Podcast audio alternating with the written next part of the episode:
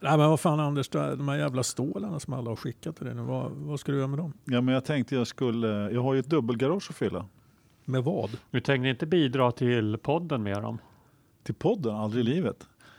Jag bidrar ju med mackor varje gång. Det får räcka. Det är, det är stor sponsning, sponsring. Du har inte fått in mer stålar alltså på, Ja, det räcker inte till... på bedrägeriförsöket det räcker till mackor och, och Nej, precis. Det räcker bara till mackor Ja. och lite torftigt pålägg. Ja, fy fan. Det är inte ens eh, bedragare duger du till. Nej, det är för jäkligt.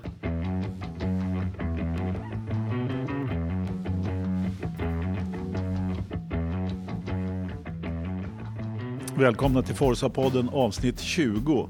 Tack! Varsågod. Tack. Eh, och som ni hör så har vi då både Ola och eh, Ternström med oss idag. Ola, vad har hänt sen sist? Jag körde bil hit idag. Bra jobbat. Mm. Ja, Det var ingen vidare trafik. Det var ganska lugnt i trafiken. ja, var det ja. Ja. Ja, det är väl det som har hänt sen sist. Ja. Jag hämtade kaffe medan jag tittade på Japans GP. Ja. Jag hämtade kaffe medan jag såg kvalet och missade att Marcus kraschade i kvalet. Men det fick jag se på reprisen. ja. Ja, Många repriser var det. nej, det var bara en. jag behövde bara se det en gång för att konstatera att det där var inget bra. Nej, det har inte hänt så himla mycket faktiskt. Eh, Jag försöker ta tag i mitt nya liv. Jaha, ja, det kan man ju alltid roa sig med Ja. naturligtvis. Eh, Ternström då, har du tagit tag i ditt nya liv? Han måste ju ta tag i sitt gamla liv först. Ja, exakt. bra att börja med ett Eh, nytt. Det gamla. Nej, det, det har mest varit eh, det gamla livet som jag har försökt ta tag i. Så att, eh, jag var ute med V8 Thundercars på Gelleråsen. Vi hade ett hösttest där för de som ville prova på. Där vi bjöd presenterar inte in klassen. Vad sa du? Du bjöd inte in mig den här gången heller. Nej, men eh, man måste ju uttrycka sina ambitioner och, och vilja köra. Jag har alltid en ambition att köra racing utan att betala för det. Ja, just det. Men här är det så att eh, vi- vi kan väl säga så här. Om du har en ambition att köra och betala. Nej, jag tänker inte bli någon jäkla paydriver. Nej, okej. Nej, men eh, det, det var vad jag pysslade med. Det är rätt kul där att träffa lite, lite nya förare och sådär som man inte har bekantat sig Ja. med tidigare. Så vi, det, det kan nog bli något med, med några av de här som var med. Härligt. Och på avbytarbänken idag också eh, Jakob Engelmark som eh, ja, eh, det är precis samma sak som eh, förra veckan. Han sitter bokstavligen på avbytarbänken. Ja, Jag skulle säga det, han är hockeytränare. Då, Ja. då blir det inget annat än avbytare. Då får man inte ens sitta Nej. på avbytarbänken, man står bakom bänken. Ja, ja, Hockey, det, inte. hockeytränare. Det är väl mest sådana som står i båset och svär. Mm. Är det inte så? Domarna och Ja. De har kostym på sig också. kostym brukar de ha på sig. Och, så svär de. Jag kan inte riktigt se Jakob i kostym. Kanske beroende på att jag inte mest ser honom här då, då men i Bottas-tröjan som han alltid, alltid har på sig. Men eh, han kanske har Bottas-tröjan på sig i depån när han står och svär där. det, är- ja, Så kan det, det, det, så kan det vara. Men du, Ja, Anders. ja. Vi är egentligen mest nyfikna på vad fan du har haft för dig. ja men jag ska Sen, berätta sen, det. sen sist. och då menar vi inte resan till Riga, Nej. utan, utan det här bedrägeriförsket du Ja, har sysslat med på, ja men precis. på Facebook. Mm. Jo, men jag kan berätta om det. Det Det var, var, inget, det var väl en korrekt insamling? jag har aldrig sett Anders så glad i ett poddavsnitt någon gång som nu. det är Pengarna har ju klart. rullat in här. så kan man ju se det. Ja, jag cashade in ordentligt här. Gisses vad det rullar in stålar. Ja, Ja, det är riktigt härligt. bra. Nej, det var i vår eh, lilla grupp där på Facebook, då, Forza Motorsport, som eh, någon eh, behagade sno mina eh, profilbild och eh, den andra bilden, vad det nu heter. Och eh, utge sig för, starta en egen profil och utge sig för, för att vara med. Kontaktade alla, eller många i alla fall, i gruppen och försökte få eh, då mina inom citat vänner att köpa presentkort eh, och skicka över ett nummer. Det var inte så snällt gjort kan man tycka. Så att, eh, jag har eh, ju naturligtvis försökt att återupprätta min ära då efter det. Så, så att, eh, ja. Det är vad jag har sysslat med kan man säga. Jag kan ju säga från säker källa att det gav ju inte så jäkla mycket pengar det där försöket. Från säker källa. Ja, precis. Men får du förklara lite grann. Nej, nej, nej, jag, jag är Nej. entreprenör. Vet du. Det- Okej. Ja, Okej. får- Ja, för övrigt, förutom att prata om eh, internetbedrägerier och eh, annat skoj så ska vi eh, eh, prata om Japans GP. Eh, tänkte vi prata om lite idag. Och eh, sen tänkte vi nog prata om lite Indycar kanske. Om vi har någonting att säga. Eh, jag har skrivit här Vietnams GP och så har jag skrivit att Ola har inget att säga så det blir förmodligen ingen punkt med Vietnams GP. Men det är väl lite, sen kanske det blir en veckans förstappen också, man vet aldrig. Jag trodde du skulle säga eh, Vietnamkriget. Nej, det, har, det är slut va? Jo, jo, men ständigt aktuellt. ja, jo, i och för sig. Det kanske, I alla ja, fall i Jan Guillous värld. ja, Ja. ja, så kan det vara. Så kan det vara. Det kan bli en väderprognos också lite senare, man vet aldrig.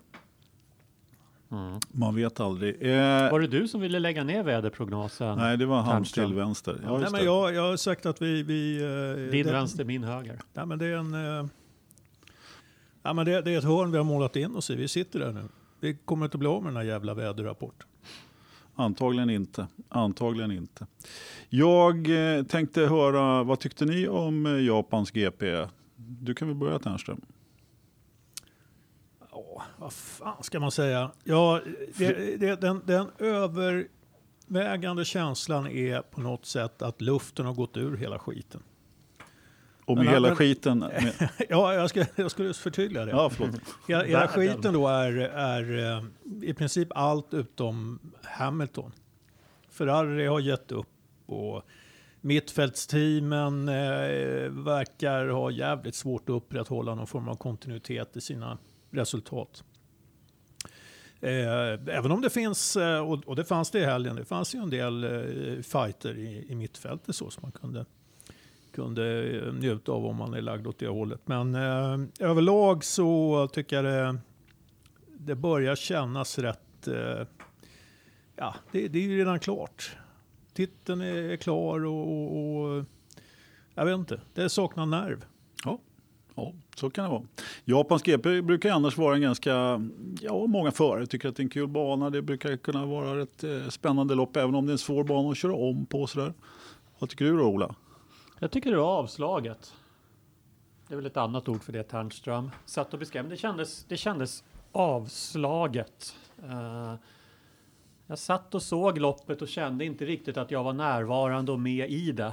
Eh, det var lite grann som att se någon dålig tv-serie när man inte har något bättre för sig. Det, det, var, det var ingen nerv i det. Det kändes avslaget. Det var... Och jag vet inte riktigt. Och det kändes inte som det var det enbart för att VM-fighten är punkterad. Egentligen var det ju bitvis ett ganska bra race. Eh, det, det var ju en del omkörningar man kunde se och sådär, men det, det känns som att det rakt genom fältet saknas, saknas eh, lite nerv. Det är ju en prat, nu försöker man ju håsa upp fighten i mittfältet om BVM och allt vad, men även där känns det lite grann som att de kommer och gör jobbet bara. Eh, sen kanske, det, det, är ju det är en känsla, så det är rent subjektivt, men det var, det var, mitt, det var min känsla av Japans GP. Ja, Det kändes lite sådär. Ja, och, och sen undrar jag, för att nu, eh, nu är det ju inte så mycket kvar av silly season. Liksom, så att eh, det, är- det är många här nu som ja, men de har på sitt på det torra inför nästa år och så vidare. Och en del sitter i sitsar som de inte kommer att ha nästa år. Och det, eh, jag vet inte om det påverkar på något sätt också. Att, det är en del som är lite mindre motiverade, både, både förare och, och, och kanske från teamhåll. Att, eh, Och sen de som inte har en yttersta. sits till nästa år vet att de är helt ute ur F1 nästa år. ja, Det är ju ingen av dem som kör i år och inte har någon plats säkrad till nästa år som har egentligen har något att köra för heller, om man uttrycker sig så. För att de vet att tåget är kört. Eh, Van Dorn kommer inte köra F1 nästa år. Eriksson kommer inte köra F1 nästa år. En sån som Ocon, trots att han gör allting rätt, borde väl också kännas uppgiven för han vet att det är i stort sett klart att han inte kommer att köra F1 nästa år. Mhm. Och det, det, är, det är en lång säsong och, och eh, det är också så, tror jag, ju mindre resurser ett team har, desto tidigare börjar man ju titta på nästa säsong. Men och den bilen man ska Mm. utveckla och så vidare. Så att det, det, det, är, det är någon sorts känsla av att man har... eh, Man är, det, det är inte bara du Ola som Mm. inte verkar vara riktigt närvarande. Jag känner inte att... Alltså en del av teamen känns inte riktigt närvarande faktiskt. Nej, det är klart. Nej, jag tyckte nog att det var ett hyfsat lopp ändå. Jag, kan, eh, jag håller inte med någon av er som vanligt. Så att, eh, jag tyckte ändå att det fanns ett och annat eh, sådär spännande. Och, ja, några som klantade sig rätt rejält och det hände lite grann. Och, nej, jag måste säga det, jag tyckte ändå att det hade sitt underhåll. Sen kan jag ju säga så här att jag har aldrig varit någon sån här VM topptittare på Formel 1. Mig har det aldrig spelat så stor roll. Kanske beroende på att jag ofta håller på förare som ligger lite längre ner i VM-fighten. Jag vet inte om det beror på det. Men eh, i och för sig på Prost tid så var det ju lite VM-fight och sådär. Men, men eh, Jag tror att sen varje... på jo, ju Stefan Johanssons tid så var det inte så mycket VM-fight och på Alesis tid var det inte heller så mycket VM-fight. Och det är klart att nu tittar jag lite grann på Marcus och sådär. Så att för, för egen del så är jag eh, eh, jag bryr mig inte så jättemycket om VM om det inte är fight om det. Sådär. Jag tror att varje idrott, vad vi än pratar om för idrott, behöver en fight i toppen, behöver en fight mellan två eller tre utövare, om det så är team eller individualister som gör upp om det stora priset. Även om de flesta fans då kanske inte håller på dem, eller det finns fans som inte håller på dem, så tror jag sporten, all sport behöver den här dynamiken. Att det görs upp om eh, det De- stora priset och att det föder, det föder ett intresse, ett engagemang rakt igenom övriga, Ja, men övriga det- utövare också. Det Eh, håller jag med om. Däremot så, så är det ju så att eh, då kan jag tycka att eh, det får man ändå då på loppen, även om VM-fighten så att säga. Så det är lite så jag menar att eh, även om den övergripande VM-fighten är i stort sett klar efter Japans GP, eller det har ju varit ett tag. Jo, men jag, menar, Men även, även om man inte har den här fighten i toppen så har vi ju just nu en, en eh, ja, i det närmaste klar världsmästare och en utmanare som har gett upp. Liksom. Det, eh, det var ju faktiskt så här också att eh, eh, om Ferrari hade velat så hade de kunnat ge eh, Vettel några poäng till genom att backa Räikkönen till exempel. Alltså Ja, ja. Om, om det hade varit strid om eh, VM-poängen. Men man har gett upp, liksom, Mm. helt klart. Och, och det är ju liksom, det, det är raka motsatsen mot det du efterlyser Ola. Mm. Och jag tror att det där, den känslan på något sätt smittar av sig på allting. Det, det, det blir svårt att förmedla någon spänning och dramatik eh, för kommentatorer och annat. Liksom. Alltså det, det, den där atmosfären, nerven när man närmar sig slutet av säsongen tycker jag känns som att den är helt bortblåst. Och kanske också för svensk vidkommande då när vi vet att eh, Marcus inte kommer att köra så ja, då sitter man ju inte där liksom och, och, och, och håller tummarna och, och eh, hoppas som man kanske hade gjort annars. Nej, men så kan det ju vara. Vad, eh, vad säger vi om, eh, apropå eh, Fettel Vettel då, och hans eh, uppkörning från, vad startade han? Nia? Var det Mm, ja, en åtta va? Åtta det var kanske någon var. som fick något Just straff där. Han kvalade nia, men jag tror han startade åtta. Det stämmer, det stämmer. Han startade åtta. Det var jag väl inte, Ocon va, som fick en nedflyttning? Va? Mm. jag tycker inte det finns så mycket att säga. Han, han tog de risker han behövde för att bara försöka göra någonting. Sen kändes det kanske lite halvdant, men han, han gjorde ju han hade ju en jäkla fart i början av loppet och det kändes som att han gav sig 17 på att jag ska i alla fall göra vad jag kan.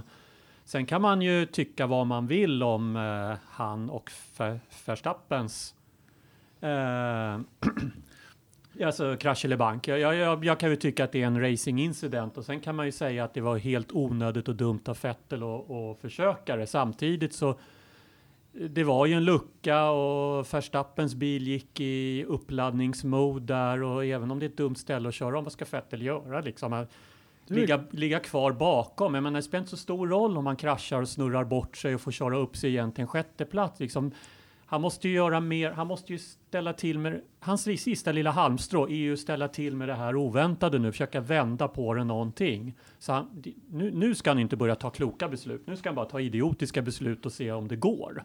Jag kan hålla med dig lite där. Ja. Jag menar, det är klart han måste försöka där. Ja. Eh, hade det varit någon annan än Verstappen så hade han förmodligen kommit förbi dessutom. Det, det, eh, Ja, det, det kan det ju vara. Sen tycker jag också att eh, det, är svårt, det är svårt att bedöma som någonting annat än racing incident Ja. naturligtvis. Men, eh, Sen är ju, det är ju bättre att han hade kanske försökt göra ett omkörningsförsök på något annat ställe, men jag tror poängen är att hade det varit femte loppet i säsongen, då hade man kunnat rikta en annan kritik mot det än nu när det är fem lopp kvar av säsongen och, och hans lucka till Hamilton är närmast ointaglig. Det är andra misstag han har gjort i år som han borde tänka mer över än det här. Det här var liksom, ja, jag, jag såg att Mika Häkkinen hade uttalat sig, jag tyckte det sammanfattade det hela. Att, nej men, och det var att Vettel behövde han behövde ta chanser och risker i det här loppet. Det här var en chans och risk och den var värd att ta, för vad har han att förlora? Liksom en sjätteplats eller en tredjeplats eller en andra plats just nu. Det är ju inte värt någonting för honom. Nej, nej. Eh, sen är det ju bedrövligt att Ferrari går i mål som femma och sexa. Eh, i, I det här, alltså det är ju fullkomligt bedrövligt, men det är, det är samma som de gör i kvalet och som du var inne på Ternström. Det är som att hela teamet har gett upp eller drabbats av någon kollektiv depression över att eh, vi trodde vi hade det, men vi gjorde misstag, Fettel gjorde misstag och tillsammans har vi kastat bort någonting vi hade ett ganska bra grepp om. Och så, Och än en gång så vände Mercedes, glöm inte Mercedes var ju illa ute i år. Alltså det var ju de som gjorde en massa misstag Ja, i mitten av Ja, ja, ja. säsongen. de var pressade. Men är det här Sensorgate eller? Vad, vad tror vi? Är det... Jag vet inte. Jag, jag, Alltså, jag har svårt Det är ju att tro. inte en F1-säsong om det inte är någon teknisk Nej. grej som, som, som ligger som någon liten blöt disktrasa från första till sista racet. Men det händer aldrig någonting av det. Det, Det- ligger bara där och ja, den ligger och gosar till sig, men det leder inte till någonting. Och det är väl lite så här också. Det, men att, det är en så tydligt, att det är så tydligt att eh, när Fia då sätter en sensor på Ferraris andra batteripacka Mm. så, så tappar Ferrari helt plötsligt i prestanda. Det är ju som upplagt för konspirationsteorier naturligtvis. Frågan är ju då, eh, har eh, de andra teamen som köper grejer av Ferrari, de har inte haft tillgång till samma lösning? Där i så fall, för där har man ju inte sett något tapp i, Nej. prestanda. Men har vi sett egentligen något direkt tapp? Alltså ett tapp på det viset i prestandos Ferrari som skulle förklaras av att de hade någonting som har Nu ska tagits du vara bort. lite försiktig med om det är de Ferrari som tappar eller de andra som går framåt här. För Nej, det kan jag, bli menar, jag menar att Ferrari har tappat sen andra halvan av säsongen Ja. känns inte som att de har tappat farten i bilen, att de inte har hängt med längre, utan Nej. att Ferrari och Vettel har gjort alldeles för många små och stora misstag eh, löpande med Nej. som har gjort att de har tappat i loppen. Ja, det var ju någon Eh. som skrev någonstans, som jag nu inte kommer ihåg var det var någonstans, att de hade tappat eh, prestanda på eh, slutet på rakerna och hur det var nu då. Men ja, Mm. Det var inget fel på deras ja. speed i Italien. Nej. Det var, Nej, det var inget det fel inte. på Men- deras förare och deras strategier och att Ja, men det här var väl, Mercedes hade det var väl efter de satte dit sensorn. Mm. Så att, Ja, det var, Ja, men eh, fullt möjligt, men eh, det är fortfarande så att hade de spelat sina kort rätt så hade de fortfarande varit med i matchen. Så jäkla långt bort är de ju inte i, i, i fart. Va? De är fortfarande eh, liksom klart snabbare än vad, vad eh, Red Bull är då, egentligen. Även om Mm. man får ju säga att Verstappen var ju jävligt snabb i helgen. mm, det var han. Vad säger vi om hans eh, eskapader med den andra Ferrari-föraren då? Bilen. Ja, oerhört arrogant drack- ja, av Verstappen. Men eh, det, man, man säger så här, det, det, det finns andra förare i, genom historien som har varit världsmästare som skulle ha eh, svarat precis likadant som Verstappen i det läget. han fick det drakoniska fem sekunders straffet eh, Ja. när Fia tar in med storsläggan. Ja, men det, ju, det var ju självklart så att det var ju inte Kimi som skulle vänta på Verstappen i det läget. Va? Utan det är ju Verstappen som har gjort Mm. misstaget.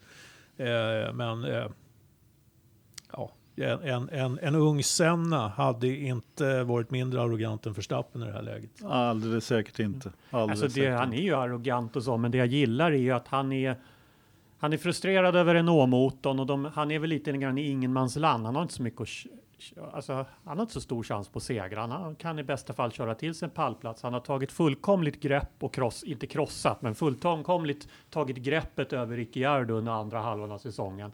Men det jag gillar är att han i ett läge där han lika gärna kan transportera sig igenom avslutningen på den här säsongen och vänta på nästa år och göra det bra med Honda så gör han de här grejerna hela tiden. Mm. Alltså han ge, viker inte en tum, han ger, vi ger inte bort en millimeter. Och sen kan man tycka vad man vill om manövern han gjorde mot Kimmy, men det jag gillar är att han gör den, trots allt. Eh, Sen om det ska vara straff eller inte, det är, jag tycker att alla straff som ger fem sekunders, alla incidenter som ger fem sekunders bestraffningar är i sig ingenting att diskutera. Det, är- det känns som att det, man kan lika gärna låta det vara när man ger så små straff för det. Då ska man inte in och peta i det. Men ja, jag, kan hålla, jag har ju sagt förut, jag gillar inte dessa fem sekunder. Det är ett styggelse. Då, då kan man lika gärna låta bli som du säger. Mm. Då, kan, då, då är det ingen idé. Men eh, samtidigt så kan jag tycka att den här varianten då när han eh, gör som han gör skulle kunna rendera ett eh, tuffare straff faktiskt. Definitivt. Jag, jag Mm. hade gärna sett ett drive-through där eller någonting i den stilen. För Kimi vart ju rätt torsk på det där såklart. Ja men absolut. Ehm, så, så, så var det ju. Men eh, jag håller med Ola där om att eh, det finns någonting med Verstappen här som, som faktiskt är värt att lyfta fram. Och det är, det är att han, eh, han ger ta mig fan allt i, i Mm. racen. Alltså. Det gör han. Eh, och, eh, Sen, får, till, sen, blir till det, skillnad från många andra kan jag tycka. sen blir det intressant att se hur det blir den dagen han är i en VM-fight. För att eh, då är det jättebra att ge allt. Men den här typen av grejer kom, kostar också poäng i en VM-fight. Absolut. Så det blir intressant att se hur han hanterar det när han hamnar i det läget en dag, vilket jag hoppas att han gör. Han har väl förhoppningsvis blivit något år äldre då kanske och mm. sådär klarar det bättre då. Ja, Jo, men det han- känns ju som att han, även om han inte ger uttryck för det, så känns det som att han lär av sina misstag varje år i Jo, F1. Sen just har han det. en helt annan attityd utåt som man kan tycka är lite... Å andra sidan, det är sånt som skapar profiler. Ja. Vi, Det är en, behöver, vi eh, behöver skitstövlar också. Jo men han är en profil. Ja. Det, det är en läroprocess, helt klart tror jag. Och eh, jag vet inte. Jag, jag, jag tycker väl att det ser ut som att han, att, att, att han tar lärdom av, av sina misstag. Eh, Jag menar, tidigare i år så hade vi han hade ju en lång räcka med incidenter där med Ricciardo Mm. och, och så vidare. Va? Och sen plötsligt så bara... Ja, sen har vi inte sett så mycket mer av det där liksom. Nej. Nej, men det, det där är en eh, diamant som eh, håller på att poleras, Mm. kan vi konstatera. Mm. Alldeles säkert. Sen gjorde väl eh, i och för sig Ricardo ett hyfsat lopp i den andra bilen där bakom. Absolut. Mm. Eh, från att ha haft eh, brutit och haft alla möjliga problem här tidigare så, så gjorde han det rätt bra egentligen där. Ja. Ja, han placerar sig före de två Ferrarierna, vilket är väl egentligen det enda man kan förvänta sig av honom i det läget. Eh, och nu så när som de hade F1 fart ser ut. Ja. Nu när de Det var ju det som var hans jobb, att ta sig upp genom mittfältet. Det är ju inga konstigheter, Nej. men det är att ta de två Ferrari-bilarna, även om en av dem föll lite på eget misstag också. Ehm, nej, men det var väl helt okej. Ja, absolut. Och vad hade Där undrar jag hur han tänker när han ska köra Renault nästa år. Ja, kan, kan ju ta Renault där. Eh, Sainz lyckades väl eh, eh, knipa sista platsen från Honda då. Om vi får kalla dem Mm. det. Från eh, Mm. Toro Rosso på slutet där och körde om Gasly va. Och eh, plockade den sista poängen eh, till säkerligen många på läktarnas förtret. Och eh, framförallt, eh, vad heter han, Frans Tost. Mm. Han eh, tyckte jag, ja, han tyckte de skulle, de, Sluggen från Österrike.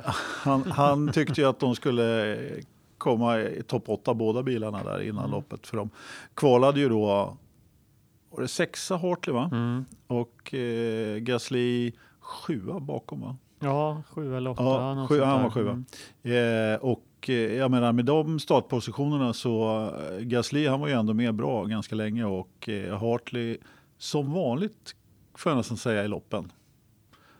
Sjunker som en Blek. sten. Ja, alltså, blek. ja, men det är Blek. jättekonstigt. Nu fick han ju till det. Han gjorde bra kval. Man kvalade ut Gasly sexa. Alltså, det är inte då, inget, av allt, inget av det där är dåligt. Nej. Och sen är han bara, han, han är inte där på söndagen. Nej.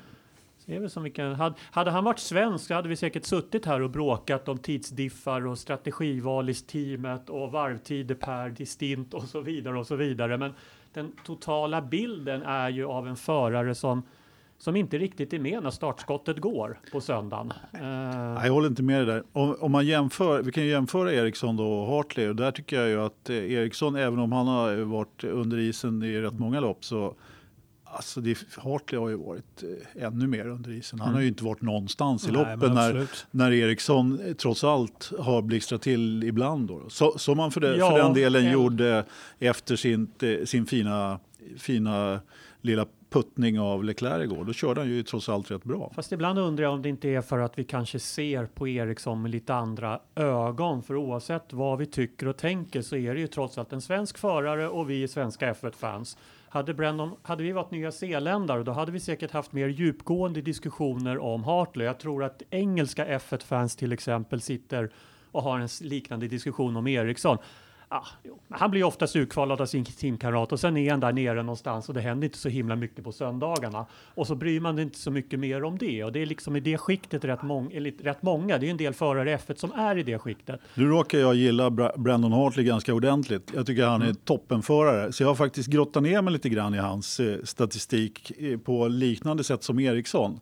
Eh, och jag, så jag håller inte med dig riktigt där Ola. Jag tycker han är ännu blekare. Och det finns få förare som är som har chanserat. Eller som, jag får inte till han, det. Är, som du sa, han är inte där riktigt på söndagarna. Sen har han några gånger blixtrat till, men han har gjort misstag. Och han har haft en så lång inlärningskurva känns det som på något sätt. Och nu när han då får till ett kval, äh, då funkar det inte i loppet. Nej, jag vet inte. Jag menar nog en övergripande bild av att man, alltså det finns ett antal förare som inte så många grottar sig ner i och, och bryr sig så mycket om. Och tyvärr så är Hartley en av dem. Tyvärr så är det några andra förare också som vi kanske tycker vi står oss lite närmare också. Där, i den stora allmänhetens ögon om man säger. Ja, men jag, jag håller med. Hartley, Hartley och uh, Stroll är ju uh, ju mitt tycke har ju presterat sämre än vad, vad Marcus har gjort i år. Mm. Uh, och van Dorn framförallt. Och, van Dorn. Ja, van, alltså, van Dorn han är ju det stora fiaskot. Så att, men, men jag, jag, tycker ändå att Alltså det, det, är ju ingenting... Eh, eh, ja, det, det, är ju ingenting att skryta med om man råkar vara bättre än, än de här tre, eh, fyra, vad det nu kan vara, som, råkar vara ännu sämre. Liksom. Så, det, så att för, för Erikssons del spelar det ingen roll, uh, mitt sätt att, att se det. Liksom. Det, det är ingenting som gör honom mer kvalificerad för att köra F1 för att det finns de som är sämre. Han har ju haft en väldigt tuff eh, stallkompis eh, Hartley också då, då eh, i Gasly. Vi får väl se lite vad han går för nästa år. Det, det, det tycker jag ska bli ganska intressant att se. Eh, på, eh, i, i, framförallt, i, framförallt då i jämförelse med Hartley. Nu kommer nog inte Hartley vara kvar nästa år. Det här Nej. känns ju som att det var en av dina spikar Ternström. Ja, mm.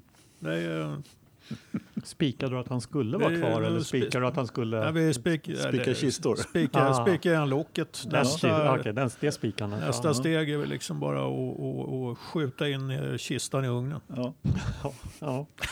man gräver inte ner honom alltså. Nej. Nej, det... Han är nog rökt om vi säger så ja. för, för Formel 1 ja, framöver. Ja, men det det som blir intressant nästa år är, ja, men det är ju hela Red, Red Bull-historien där vi kommer få ett kvitto. Det är svårt nu att veta hur bra Honda är egentligen med, med Toro Rosso och så vidare. Nästa år så får vi ett kvitto på om Honda överhuvudtaget har lyckats göra något framsteg. Mm. Uh, och vi får också ett kvitto på hur Verstappen mår och vara lite grann informell etta i teamet, för det kommer han ju vara oavsett vad. Och vi får också se hur väl Gasly står upp mot uh, mot Verstappen i en sån situation. Så där finns det mycket intressant att Absolut. se fram emot nästa år. Absolut. Och Honda Sen hade väl... i Japans GP nästa år och säger att allt är avslaget. Igen. Ja, fast eh, Honda hade väl ändå en ny version av motorn eh, till det här loppet och den eh, lovar ju åtminstone lite gott i alla fall då till i kvalet där då. Ja, ja, mm. det är, nog McLaren de första att skriva under på. ja, men det, det, det cirkulerade ju lite sådana här skojbilder framförallt och ja. McLaren sist. Och för, var det förra året de tog beslutet? Eller, eller var, det var sådär de klagade som mest i alla fall. Ja. Mm. Jag vet inte, det var på tapeten där i alla fall. Ja. Ja, vad har vi att säga om eh, vår kompis från Danmark då? Vad säger du Ternström? Nej, men jag tycker när jag har tittat runt lite grann på förarbetyg och såna grejer eh, på nätet här så tycker jag faktiskt att Magnusson får lite oförtjänt mycket stryk. Och jag tror att många har eh, gjort bedömningen eh, ganska spontant utifrån den här incidenten med Leclerc. Där, där jag tror att de allra flesta, och jag gjorde nog detsamma, jag såg det nog som att att det var Magnusen som eh, eh, blockade lite väl eh, bryskt helt enkelt. Då. Men, eh, eh, och varvid eh, Leclerc körde på honom bakifrån. I efterhand har det visat sig att, att Magnusen inte reagerade på Leclercs manöver utan det var bara så att han råkade utföra den precis samtidigt i princip som, som Leclerc. Och självklart ville han försvara sin position. För det vi inte såg i tv-rutan, men som jag sett efteråt, eh, där tror eh, det finns något klipp där Anthony Davidson eh, eh visar, eh, han visar ett klipp där eh, Magnusson tar sig om eh, Leclerc på rakan ner mot 130R. Mm. En ganska tuff omkörning. Det är väldigt, väldigt lite marginal mellan de två. Liksom. Men Magnusson han pressar sig förbi. Så han hade ju precis tagit sig om Leclerc. Så självklart eh, vill han ju då svara på, på Leclercs försök att, att kontra. Och eh, det här var ju heller inte eh, det var, Leclerc hade ju heller inte DRS, så det var inte så att han närmade sig med, med, med någon sån här enorm fart bakifrån heller. För då, då hade nog eh, Magnusson kanske passat sig för att, att göra ett eh, filbyte precis där.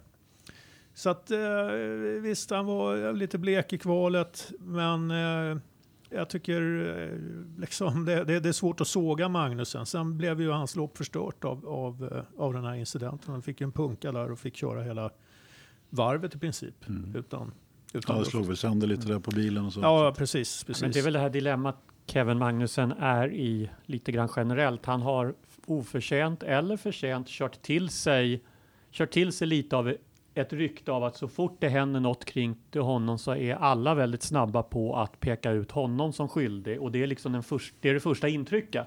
Och sen när man tre dagar senare går tillbaka och tittar på det och jag gör, delar väl din analys Ternström om, om själva incidenten att nej, men det där var väl egentligen, alltså det var inte så mycket att orda om kanske egentligen. Så har han ju redan blivit stämplad som boven i det. Han har ju kört till sig det genom en tuff körstil, men samtidigt, det var lite som var inne med Verstappen. Ja, men... Det är väl lite kul att vi har några förare med armbågarna ute också. Ja, Magnusson han, tar ju, han, han skaffar sig inte fler vänner i depån direkt Nej. eller på griden. Sådär. Eh, och, han, är ingen men, mys, han är ingen mysdansk som det, det är, riktigt gammeldansk och, gemy, och En gemytlig dansk. Nej, men eh, det är, inte, det, är inte, det är inte det han är där för att, att göra. Eller? Skaffa sig vänner. Nej, nej.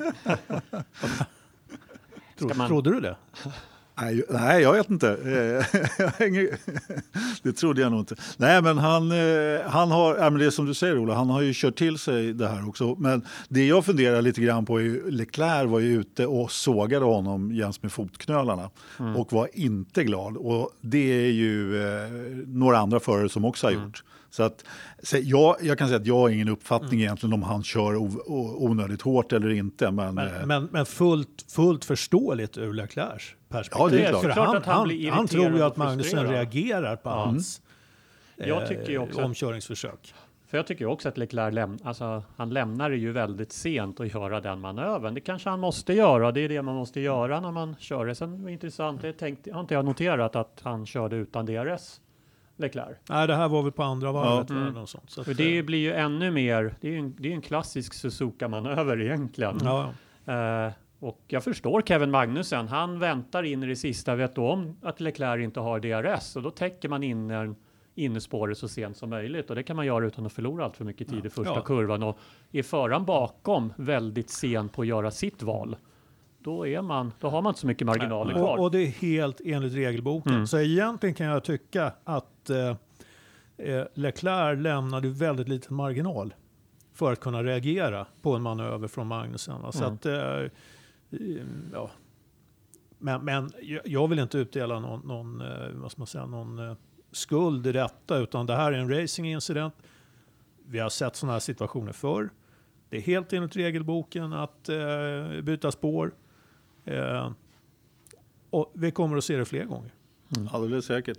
Nej, han eh, uttryckte ju någonting i stil med att eh, är det så här vi ska köra Formel 1-bil, då ska jag också göra det för, i fortsättningen det, det, är inte mitt sätt att köra, men okej okay då. Då, då. då blockar vi ungefär, ja. lite så som mm. en... Eh... Jo, men gör det då, men då kommer du också få gå på och bryta racet med trasigt golv. Och ska du göra det hos Ferrari så kommer ja. du att vara andreförare. Jag tror att eh, sådana här situationer tar de upp på eh, förarmötena och, och, och går igenom, mm. förklarar besluten, varför och så vidare. Så att eh, eh jag menar, vad en förare säger mer eller mindre direkt efter ett race, va, det, det Det var länge sedan vi såg några tv-bilder från förarmötena. Det hade de ju här. Ja, de hade tag. det. Jag tycker det var väldigt intressant, men jag tror... Det De la väl ut det de- på Youtube Ja. några gånger förra året. Ja, men det, det var nog några som eh, protesterade, förarna som inte gillade Ja, det. nej, det precis. kändes ganska stageat också när de gjorde det förra året. Det var lite grann som att eh, vi ska snart ha vårt, vi ska snart ha vårt riktiga förarmöte alternativt. Nu har vi haft, ha- haft vårt riktiga förarmöte. Nu kör vi ett fejkat i några minuter för kamerorna. Det var så- de där filmerna Ja, kändes nej, lite men grann för jag, min jag, jag tror att de måste kunna känna att de kan lägga fram grejer som Mm. på ett sätt som Ja. för utomstående kanske kan Mm. framstå som jävligt gnälligt eller osportsligt eller Mm. vad, vad vet jag, eller ofördelaktigt för dem. Ja. Ehm, Jag tyckte bara det var liksom en intressant inblick på något Det sätt. det, eh. Mm. sådär. Oh ja, Det oh har ja. man ju inte sett tidigare överhuvudtaget. Just den, den eh, så att säga, bakom eh, scenerna liksom, grejen överhuvudtaget. Det enda man har sett var något från i filmen Senna där Mm, egentligen i stort sett. men det, men, och den var ju definitivt inte stagead för nej. kamerorna. Men det är ju den där typen av diskussioner som jag tror måste få förekomma på ett förarmöte. Ja. Och för Ja. att det ska förekomma så kan man inte ha kameror där. För då Ja, tar man helt plötsligt på sig mediamasken. För att eh, idag på internet så sågar vi allt och alla för vad de än gör. Och jag tror att det måste finnas situationer där man faktiskt har stängda dörrar och, Ja. Men- och pratar, med, pratar med varandra som folk. Men Ola, eh, både du och jag har ju varit med på förarmöten i STCC och allt möjligt. Mm. Jag kan inte påminna mig att de har varit speciellt intressanta heller. Nej, de flesta är ju inte det. Men det Och då kanske... fanns det inga kameror där. Nej. Nej. Nej, jag tror att majoriteten inte är så himla intressanta Nej, de är nog inte så och- intressanta. Det var mer, mer sådär, jag tyckte det var en Mm. intressant inblick. Men sen är det klart att visst i det långa loppet så, så behöver de ju ha ett forum där de kan uttrycka vad de vill. Det Mm. är självklart, Eh, så är det ju. Så är det. Ja, där man har möjlighet att ställa en dum fråga utan att Ja. det spelas in och Ja. visas för andra. För ibland kan man behöva ställa en dum fråga bara för att få kunna ställa frågan och få någonting utrett. Vad vill du veta Ola? Ja, men det, nu spelar vi in så nu tänker jag inte ställa några dumma frågor. Det tar vi när vi är klara sen. Ja, alltså lyssnarna ska Ja. ju veta det, att de mest intressanta diskussionerna, de får, de får ni aldrig höra. Nej. Utan det, det kör vi när, när vi har stängt av. Ja, lite När så. mickarna är avstängda. Ja. Mm. Innan eh, inspelningen börjar brukar det bli Mm. ganska intressanta Ja. diskussioner. Så att, får börja köra med sån här mygga innan. Eller Ja. någonting. Ja. Jaha, ja. Vad hade vi mer att säga om loppet då? Hände det något mer? Hade vi Ja, fan, det var, var väl en svensk där som eh, ställde till med en massa elände. en svensk? Har vi en svensk i F1? Fan vad kul! Som vi har väntat i Ja. så många år. Ja. Vad gjorde han då? Nej, men eh, det, var väl, eh, det var väl ingen bra helg för, för Marcus kan man konstatera. Visserligen körde han bra på söndagen. Eh, men eh, eh, klantade ju sig i eh, omstarten där. Körde på Leclerc bakifrån. Det hade ju kunnat sluta betydligt värre. I, i värsta fall hade, han ju liksom, hade ju loppet varit slut för både honom och Leclerc.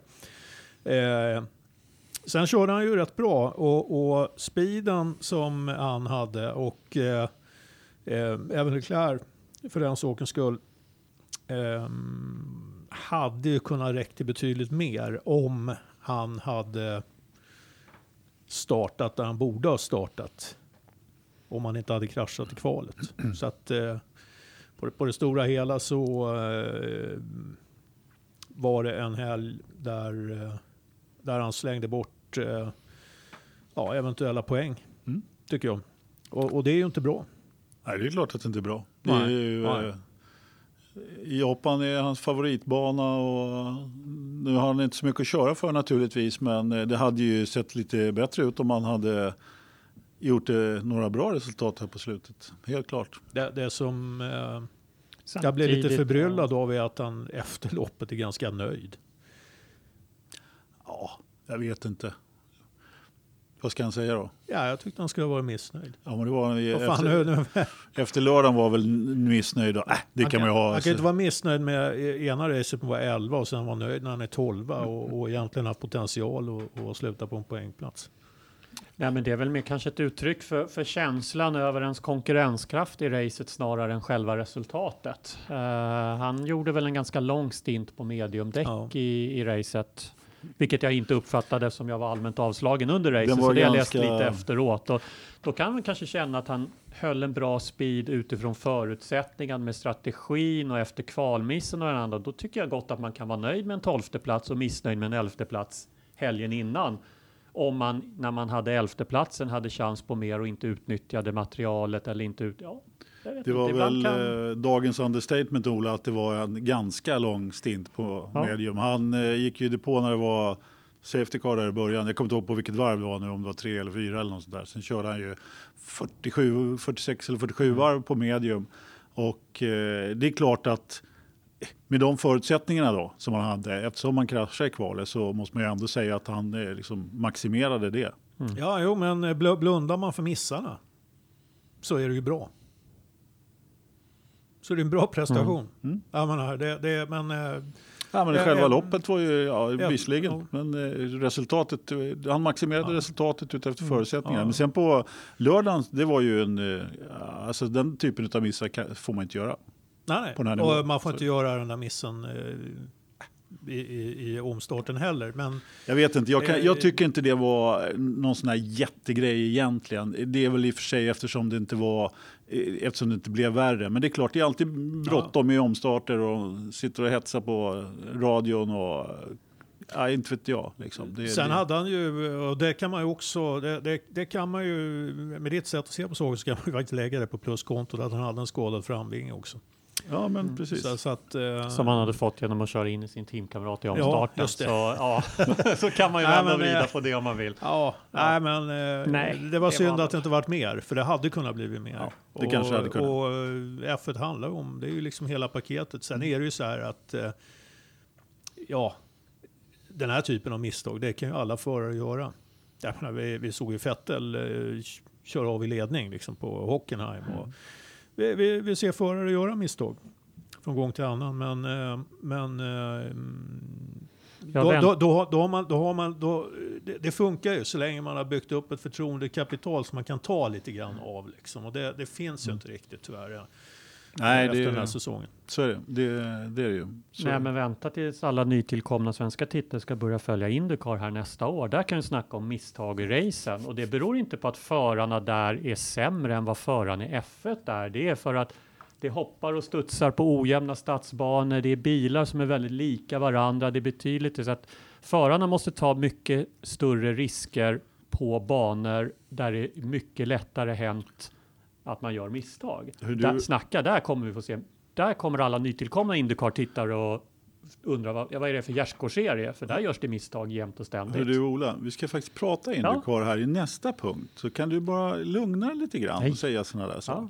Ja, Så det ska vara ordning nu. och reda här i Anders, podden. Anders Ja, nu, nu, nu visar sig Anders orutin som programledare. det här är inte Det här- orutin. ja, men det, det här är ju läget som man nyttjar för den där övergången. Men jag vill inte ha en övergång. Jag har flera saker att prata om för, först i Japans GP. Man kan inte bara hoppa en punkt Men här i programmet. vi det går ju det här inte. loppet egentligen? Nej, en, Eh, Hur mycket mer ska vi mjölka ur detta japanska massor. Det finns ju hur mycket som helst att Okej, prata Nej, ja, det, ja. ja, det är faktiskt inte, inte alls speciellt mycket. Jag, jag vill bara eh, vet du, eh, slå, ett, slå ett slag. Inte spik då, men en... Spika kistan nej, nej, tvärtom. Kofot för eh, Grosjean igen. Som eh, visserligen torskar sin, eh, vad var det, vilken, eh, en, en position till Perez där som gjorde en rätt bra manöver i slutet då när, när han körde om Grosjean. Men annars gjorde ju Grosjean faktiskt en kanonhelg. Kvala ut Magnusen, det var väl lite vädergrejer där i och för sig, men Ja. ah, riktigt starkt måste jag säga. Nej, men han har haft... Alltså, det, det, men det, och det är inte... Det är ju inget ovanligt med Grosjean. Det är ju så här det ser ut. Det, det, problemet är inte att han har perioder när han är jävligt bra. Problemet är att han har perioder när han är, är katastrofalt dålig. Ja, men det känns som ändå som han har studsat tillbaka och håller sig Ja, nu på en ja. rätt bra nivå. Men det, det är så det sett ut som GP2-tiden. Liksom. Det, det är upp och ner hela Nu tiden. kör han nästa säsong. Han kommer ha några riktiga herrejösses katastrofalt spiken i kistan-lopp nästa år och sen kommer Ja. det att studsa tillbaks igen och så kommer han få lite självförtroende. och Ja, men så är det. Ja, han är, han Men är väldigt upp och ner. eh, helt klart, håller med. Bra, bra Mm, race. ja. Bra Ja. jobbat. När han är bra är han fruktansvärt bra. Ja, jo, Men när det. han är dålig så är han ju helt katastrofalt dålig och det är lite. Grosjean. Ja, men det är lite så. Ja. Jag håller med. Ja, det är kul.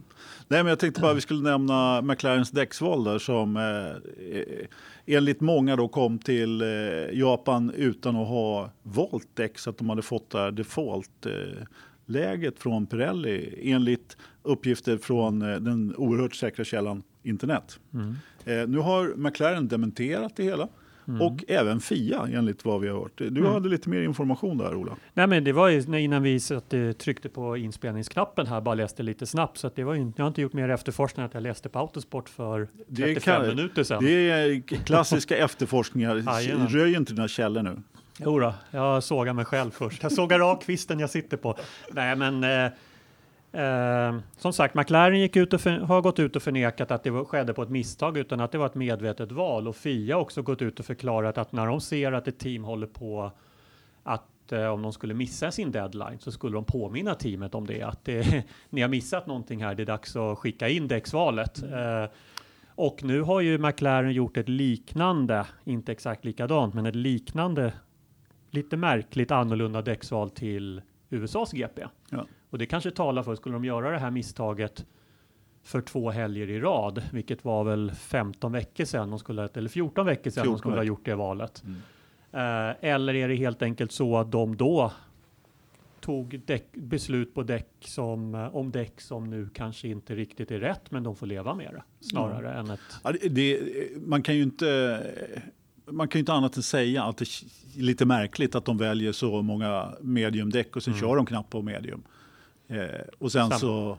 Absolut. Sam, samtidigt känns det ju lite märkligt att man ska. Det finns mycket saker och framförallt mycket saker som McLaren kan missa på, men det är väl snarare att man missar att boka ett hotellrum. Att Ja, man bokar ett hotellrum för lite för någon personal eller så, än att man missar en sån fundamental grej som att eh, boka transporten av bilarna eller boka vilka Mm. däck man ska köra på. Eh, Nej, det känns ju som eh, väldigt märkligt. eh, Nej, men mycket märklig soppa ändå. Eh, Ja. Men eh, jag tycker det var intressant att Fia har bekräftat att, eh, att McLaren inte hade missat. Mm. Det var ju och att McLaren har ett liknande konstigt däcksval nu då till, ja, till USA. till Det, USA. för det men, gick ju, i, I loppet så hade de ju ingen fart alls överhuvudtaget, eller McLaren. Jag vet inte. Nej, men vill du prata Japans GP så kan man konstatera att det är ännu ett race där vi ser McLaren och Williams fightas om att inte vara sist. Mm. Alltså från vi som har följt F1 sedan Ja. 70, ja, i ert fall sent 70-tal och i mitt fall sedan tidigt 80-tal så är det ju nästan otänkbart. Men samtidigt är man inte förvånad när man ser det. Sent 60-tal. 70-tal. 60-tal. Ja, ja, jag, pratade, jag pratade om Anders nu. Jag pratade när du gjorde din första podcast om Ja, Formel 1. Det var väl sent 70-tal? Ja, ja, visst. visst. Försökte att lägga ut den på internet då, men det var lite var, väl, tidigt. du var väl Ascaris, Alberto Ascaris presskille eller var det Fangios presskille Ja, du var? Ja, men eh, för fan, det var så jag började faktiskt. Jag eh, sprang där och, och eh, intervjuade och Ja, skrev deras eh, svenska pressreleaser. pressreleaser. Ja, exakt. Den svenska marknaden. Ja. Ja. Men, ja. Ja, äh, men eh, nog om detta. Eh, ja, innan vi pratar Indycar så kan vi ju ta upp eh, Vietnams GP. Jag eh, la ut någonting där på forumet här i, i, i förra veckan tror jag om att Bernie hade tackat nej till eh, Vietnams GP. Och så var det någon intervju med Bernie där då han hade talat om att nej men fasken, inte ett lopp till. De, de ville visserligen betala, jag kommer inte ihåg hur många, 300 miljoner pund eller sådär, men äh, vad fan, jag tackar nej till det, sa Bernie i sedvanligt gammal god stil. Så att det var väl någonting Vad som han inte... inte nämnde var att jag blev också bästa kompis med Putin och sen hittade jag nya kompisar i Azerbajdzjan också så att jag behövde Ja, inte ja, pengarna visst. från Vietnam. Nej, precis. Det var ju någonting som inte passade där, hans eh, förmodligen. Så att, eh, men eh, jag blev lite förvånad över att den där kommentaren kom. Men det visade sig att bara någon dag efter då så visade det sig att det var ju i stort sett klart att Liberty har skrivit någon avsiktsförhandling med Vietnams, G, med Vietnams GP då. Man ska bygga en, eh, någon form av semistadsbana som det blir nu för tiden på alla Mm. sådana Ja, här ställen. ja. Så att, Mm. Mm. Ja, vad ska man säga om det? Det är väl en, eh, det är väl en oundviklig eh, konsekvens av eh, att man behöver dra in pengar. eh, Liberty. Och det, det handlar ju om eh, inte bara de pengar som eh, arrangören betalar utan man vill väl slå sig in på nya marknader, på nya tv-marknader Mm. och eh, dra in stålar och det, det är inte så lite pengar det handlar om. Eh, samtidigt så står ju det lite i konflikt med deras eh, eh, policy de har deklarerat om att vårda Formel 1 traditioner. Eh, vi kan ju konstatera att eh, Vietnam har ju väldigt, väldigt få traditioner när det gäller motorsport. Säger du det? Ja, jag vet inte. Ja, jag vet inte om de har några överhuvudtaget. Nej, alltså den enda som jag kommer på som är ens, ens i närheten det är ju eh, prins Bira, men han är ju från Thailand, grannlandet. Det, är- det är liksom Ja. det närmaste. Ja, ja precis. Så långt bort är det. Ja, ja, ja. Som vann eh, VM på, eller något lopp på 50-talet eller vad det var. för ja, ja men han var, var nog ingen li- dålig li- chaffis. ja, Lite i stil med att Sveriges enda världsmästare i Formel 1 heter Keke Rosberg och född i Solna. Ja, lite så. Ja. Lite så. Precis, precis. Ja, vad bra. Ja, nej, jag vet inte vad jag... Ja, jag instämmer med Ternström. Jättetråkigt kanske, men Ja, det, man hoppar väl inte jämfota av att eh, Vietnams GP ska komma på kalendern. Och jag hoppar väl inte jämfota heller oavsett om det beror på att det blir ytterligare ett F1-race. Jag tycker redan egentligen att vi har för många. Eh, jag tycker definitivt att vi har för många för varje nytt som vi lägger till. Eh, och jag blir väl inte superglad om något av de befintliga racen ska tas bort. Ja, vi kan ta bort Sochi, det lär ju inte ske istället för Vietnam, men det är lite samma lika. Så ja, jag vet inte. Det är alltså, vad, vad, vad är ambitionen här? Ska man köra i varje land? Ja. Det blir en jädra Ja, rent, rent tekniskt är det ett världsmästerskap, men Ja. då har vi, hur många länder har Jag vi? vet inte, det pratades Nej. väl om någon gräns där vid 25 lopp eh, för inte så länge sedan i alla fall som man eh, hade att sträcka sig till tror jag. Eh, Eller som var max på kalendern. Jag vet inte. Jag har väl egentligen inget emot ett lopp till men det får ju gärna vara eh, Sandvort då istället som de pratade om också som skulle Ja, komma jo, tillbaka. men det- Eller någon, eh, något lopp. Där lär de ju inte ha några problem med att sälja slut på biljetterna i alla fall. Nej. Nej, nu lär det ju vara fullsatt där. Ja. Nej, men det, det eh, håller jag ju med om. Men eh, ja, jag vet inte vad man ska säga. Det, det Ja, men det- känns ju inte direkt heller som att ytterligare lopp är, eh, att det rimmar ju inte riktigt heller med, med att försöka dra ner på kostnaderna.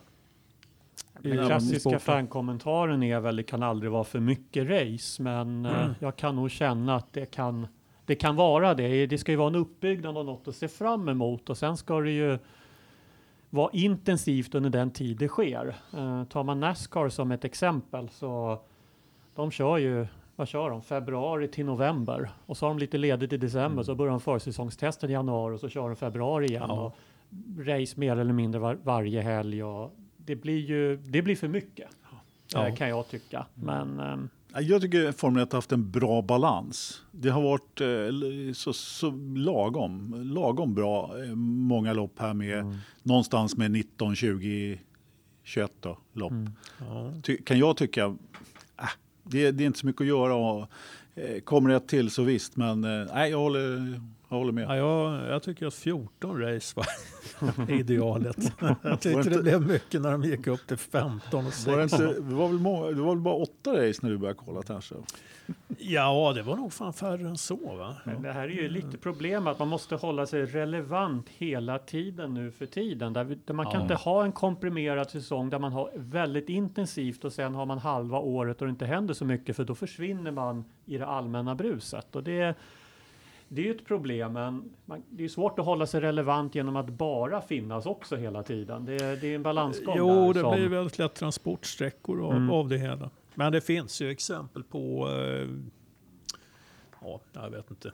Man tittar på andra sporter så, så eh, har man ju i, i eh, framförallt hockeyn som har gått till att att köra, jag vet inte hur jädra många omgångar. Om man tittar i Sverige, nu är man ju fasen uppe på nästan lika många matcher som man är i NHL. Som man det, det, det blir bara en lång transportsträcka, men det verkar Mm. liksom inte...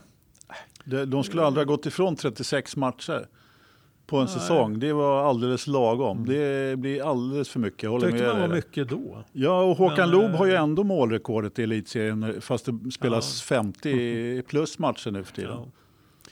Ja, ja, nej men eh, nu är det ju Formel 1 vi pratar om. Det? Ja, det var jag som eh, gjorde ett... Eh, Jag, fan, jag, jag är bra på att göra såna här, eh, vad ska man säga, äm, ämnesavvikningar. Ja. Jag la ju ut mitt jävla inlägg där med Conor McGregor också. ja, Det var jag tänkte du skulle få ett pris, som ett pris utav mig som Forsas mest eh, ovidkommande jämförelse någonsin. Forsas mest ovidkommande medlem. ja, det med kanske. Den var lite Ja. långsökt. Ja, bara lite. Ja, Jo, lite. men jag ville ge ett exempel på därför att många är så kritiska mot eh, att, att eh, då, ty, då tycker jag att vi ger eh, Marcus alldeles för mycket kritik. Eller, jag, jag tror inte att eh, det är så många som har problem med den kritik som vi levererar i podden eller på forumet till exempel. Vi argumenterar ju för det i så fall.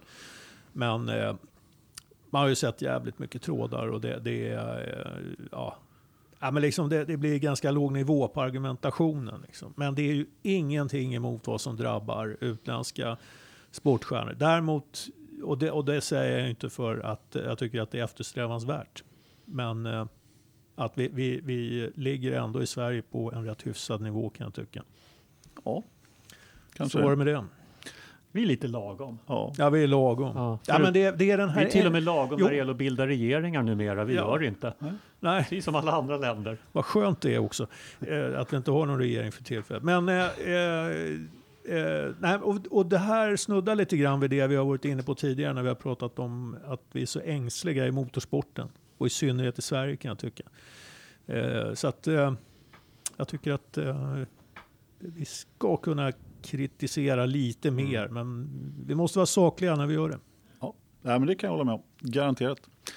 Hörrni, vet ni hur många lopp de kör i uh, Indycar? Apropå det. Ja, Kan alltså det vara jag kan ju 20-tal? räkna kalendern, men det är, är 17 va? Mm. 17, det är lagom. Det är De bra. börjar i mars och slutar i september. Eh, De är ganska inten. De fick ju kritik för några år sedan för att de gjorde just en mycket mer komprimerad och kortare säsong. Mm. Då har jag för mig att de även började i april och körde fram till första september. Så nu har de utökat den lite, men de fick väldigt mycket Mm. kritik inom Indycar-sfären för det. Men ja, de har ju, de har ju försökt att komprimera ihop och tajta till det lite grann. När Indycar väl kör så kör de och det händer något var och varannan helg och sen är det stopp i Ja. september. Så är man inte så rädd för att man har sex månaders uppehåll. Och där vårdar de sina traditioner. Därför att där är det så att eh, hela maj månad måste man ju hålla fritt. För Vänta då- lite. då är Stopp ett tag. Va? Så, har de ändrat på det här? Ja nu? visst, jag kommer till det. Nej. Jo visst, lugn och fin här Nej, ska du se. Jag, jag frågade ju dig Ola här förra, eh, förra podden om eh, kalendern men eh, den eh, visade sig att den kom här häromdagen bara. Och, och då kan man, Precis. kan man kallt konstatera ett par saker. Eh, nummer ett, det är ganska många mer racerbanor som svänger åt båda hållen än vad det brukar vara. Jag tror att åtminstone... Ja, fast det är väl förra året var det väl en, eller i år var det väl en tredjedel som var ovalbanor och det har det varit de senaste åren. Nej, jag tror, att det, jag tror att det är fler eh, det, av, eh, vad heter det? Andelen eh, Road och Street är lite större i år, men, men strunt samma. I vilket fall som helst. Eh, Sankt Petersburg börjar ju eh, kalendern då 10 mars. När eh, Felix eh, enligt egen utsago ska ta sin första Mm. Indycar-seger. Han siktar ju högt. Det är, Det är bra. ja, det är fan, det är lika bra. Och sen kör man ju... Vilket har blivit lite av en tradition att de börjar just i Sankt Petersburg. Ja, Så jag absolut. väntar på att du ska döda traditionerna. Så att, ja, det är lite Det- av en ny Ja, eller ja, men en precis. tradition ja, numera. men det är rätt okej bana, rätt kul och som Mm. studsig som du sa och, tidigare och alltihopa. Och sen är det då Circuits of the Americas. Eh, 24 mars, 7 april Barber Motorsport Park. 14 april, ett av mina favoritlopp, Long Beach. Helt eh, underbart lopp tycker jag, om förevarande Mm. stadsbana. Sådär. Sen den 11 maj, Ternström, vet du vad som händer då? Hallå? Har du, Nej. har du somnat? Nej, nej jag, jag, jag bara sitter... eh, Jag, jag vet inte vad jag ska Du få bara- höra du, för du, bara- du bara jag är jävligt, skakar. oro, jävligt orolig. Ja, nej, då kör man faktiskt på Indianapolis Road Course. Ja, men det har man gjort ett par år nu. Jaha. Roadcoursen på Indianapolis. Ja. Okej. Och sen eh, på då, Men, ja, men då är man ju där. då är man där. Då är man ju Precis, där. ja. För de ligger ju där hela maj och kör ovalen. Precis, sen brukar de ju köra, eh, det är ju bump day och det är allt möjligt vad det heter för någonting. Är, först är det rookie test. Ja. Och som, förra året då så körde man ju då eh, Alonso special. Han skulle testa på det och Ja. köra liksom ett eget direktsänt program i tre timmar med Alonso när han ska testa ovalen. Och vem fan sitter där och glor på det där då? Ja, självklart gör man ju det. Det gjorde vi. Man Ja. tittar då och då. Jag kan inte säga att jag såg alla Nej, varven. det gjorde inte jag heller. Det var inte tre timmar, det var mer. Ja, det, var, det, var, hur, det var en hel testdag. Ja. Ja. Jag kommer inte ihåg hur många timmar de höll på, men det var en hel testdag. Ha, har vi hört något mer om Alonso och Indycar? Mm, nej, nej. det verkar vara lite sådär locket på där än så Mm. länge. Ja. Men det är väl frågan hur de ska få till det. Eh, jag tror, om man tittar på McLarens del, så har de tillräckligt att se till för att försöka sätta ihop en Indycar-operation nu. Mm. Så att de ska egentligen bara hålla sig borta från det där.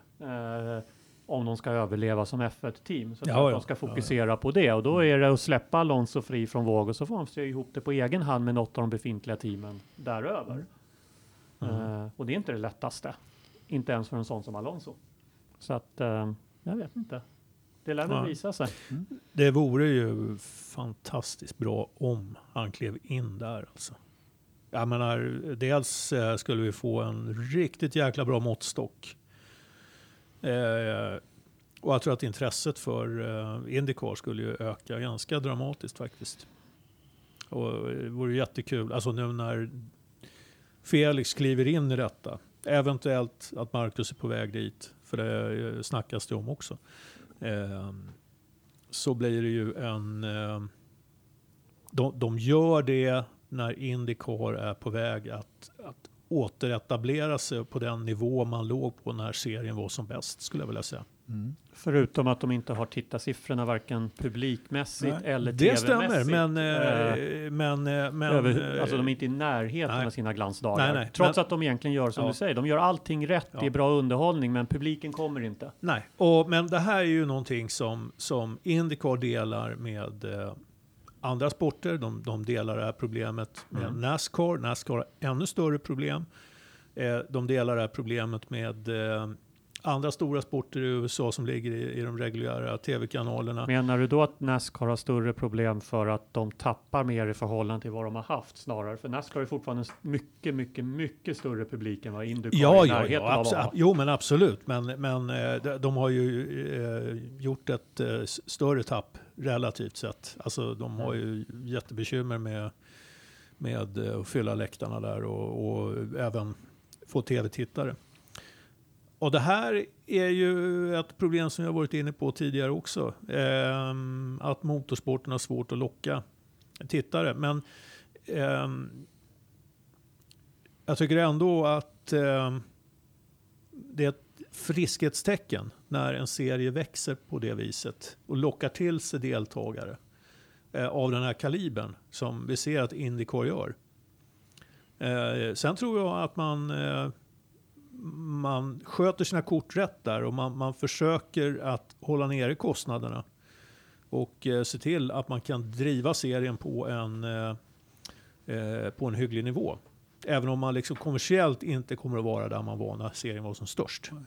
Nej, men jag tror också att, eh, låt säga om eh, Alonso nu Eh, kommer till Indycar så kan ju det bli en riktig boost för serien överhuvudtaget. Jag tror att eh, om det kanske inte gör så mycket att eh, några tusen svenska motorsportfan börjar titta. Det, det, det gör väl inte så eh, det, det gör väl sitt till naturligtvis, men eh, om hela eh, Alonsos fanbase börjar prenumerera på tv-kanaler därifrån och hela det köret så Är, är det här en övergång till... Eh, till vad då? nej, men det, det är ju så här. Jag tror att... Eh, eh, och man ska inte förakta tusen tittare. Det, Nej. det, gör, det gör enorma pengar. Och eh, jag tror att det här blir ju intressant Ja, nu att kommer se. jag på vilken övergång du snackar om. nu- Ja, ja, ja, men, för, att, för att jag tror att det här blir ju intressant nu att se vad vi har satt kommer att göra. Eh, om man kommer att köpa rättigheterna till Indycar eller inte. För att eh, jag är ganska säker på att man har tappat ett antal tittare på, eller man kommer att tappa ett antal tittare på att Marcus inte kör F1 nästa år. Och, och, eh, och då, då tänker man så här, ja, okej, hur många tittare kan de tappa då? Men, ja, jag tänker att, om man då tänker sig att de tappar tusen tittare, det låter inte så mycket. Men det är fyra miljoner Japp. i, i intäkter. Eh, och eh, då är det ju så här att Indycar kan man ju då se via deras streamingtjänst. Mm. Eller hur? Mm. Och, eh, och om de då får ett rejält eh, inflöde av nya kunder eh, så kanske det kommer att kosta en del att köpa loss de rättigheterna och, eh, och spärra den tjänsten för, eh, för svenska eh, konsumenter, svenska tittare. Mm.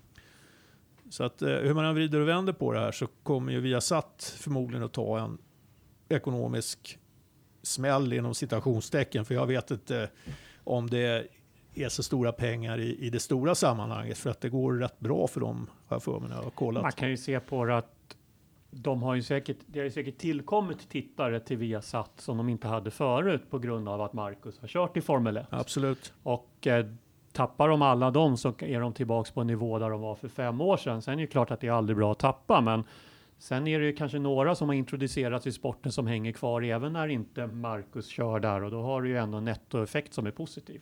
Ja, I men, just eh, Viasats ja, fall. ja, eh, men, men eh, här får du kanske en dubbel effekt av att eh, det finns tittare som idag är intresserade av F1, kanske har följt Marcus och så vidare, Mm. men så vill man se Indycar istället om man inte är beredd att betala för två eh, tjänster.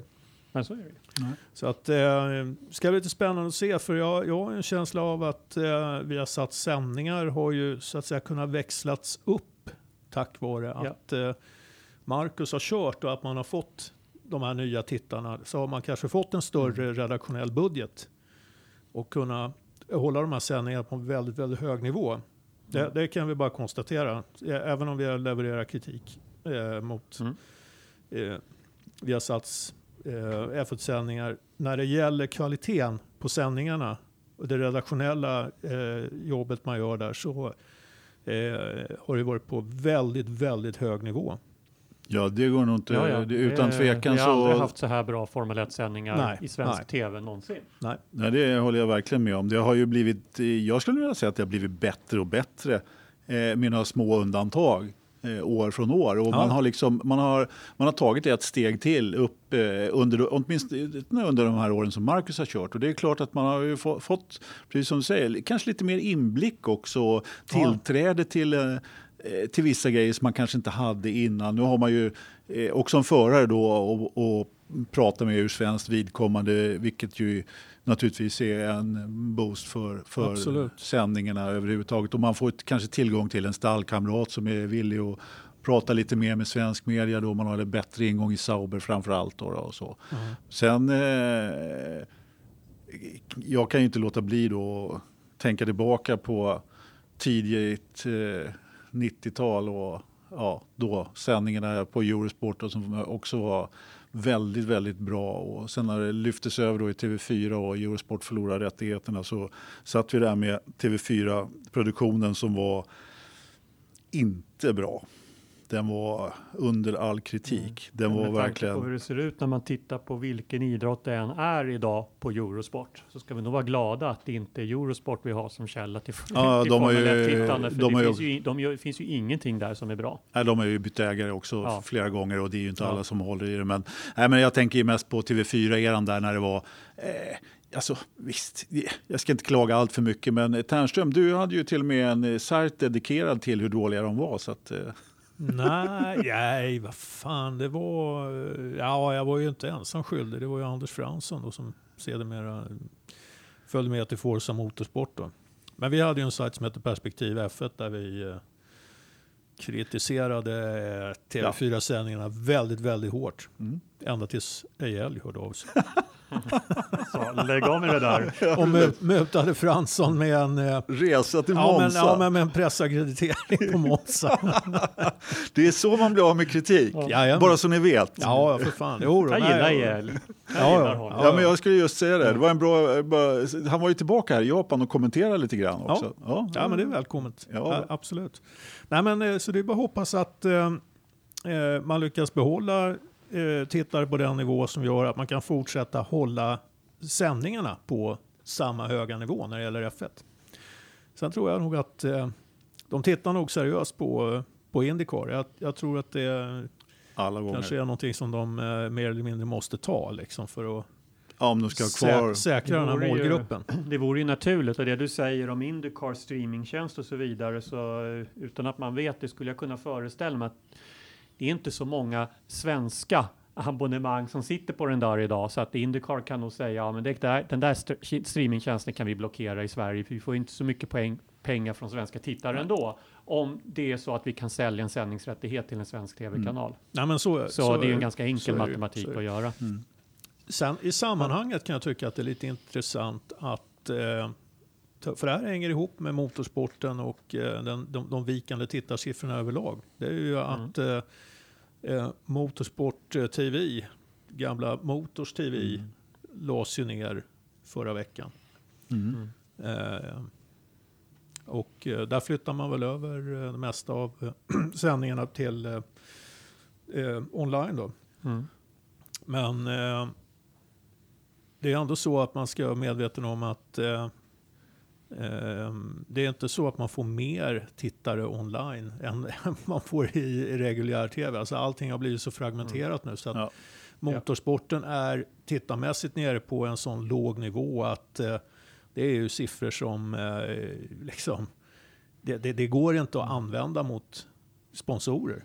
Nej, men du la väl upp något inlägg om vad, vad Sky Sport och Channel 4 i England som trots allt är liksom ett mecka för Ja, ja. Formel 1 och vilka tittarsiffror de drar och det är ganska skrämmande om man får säga så Fy- låga ja, siffror för fy- det. Det är, det är ett tecken på det du Precis. säger. 425 000 tittare på Mm. Rysslands GP. Och sånt där. Alltså, det är ju- I Storbritannien. Ja, Det är ju ingenting. när det ligger på betalkanal. När det frivisas så är det ju fler naturligtvis. Men, eh, Det hade vi i Sverige på eh, 70-talet. Liksom.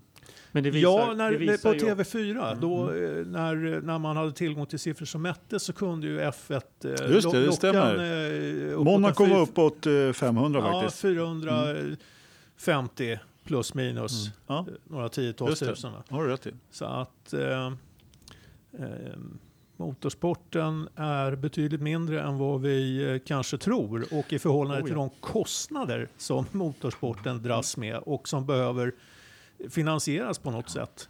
Ja, så, så är så är publiken väldigt, väldigt liten i förhållande till andra sporter. Ja. Ja, de, motorsporten generellt har ju en kostnadskostym som förr eller senare måste anpassas till den verklighet de lever i idag. till- Istället Ja, för ja, den ja. verklighet Ja. de levde i för 30-40 år sedan. Oh ja, oh ja. Och det blir ju ett stålbad för motorsporten som sport att gå igenom. Ja. Eh, och vi får ju se, det blir intressant att se hur sporten klarar det. Sa, sa jag det förra gången? Titta siffrorna för Café Sundsvall. Ja, men jag tror du skrev det. Ja, kanske. Ja. 2,1 2,1 miljoner. Alltså, det, det, det, liksom det, det blir lite perspektiv då va, på Mm. hur jävla intressant är det här egentligen som vi eh, intresserar oss för. Hur är det Ternström, du som eh, är statistikkille, hur många lyssnare har Forza-podden? Det, vi, eh, avslöjar, vi avslöjar inga siffror. Nej, okej. Vi gör som eh, betalkanalerna. Ja, vi säger Vi ingenting. Nej. lägger oss bakom en vägg. Ja, Ja, som, är fri, som är fri att se på Ja. nätet, men det är en annan sak. Ja, så kan det vara. Ja. Jaha ni, eh, ska vi... Eh, Ska vi prata Indycar? Vad ska vi prata om? Vi, vi har pratat Indycar en lång stund, du det- kanske inte har märkt det? Anders, du har tappat kontrollen över det här.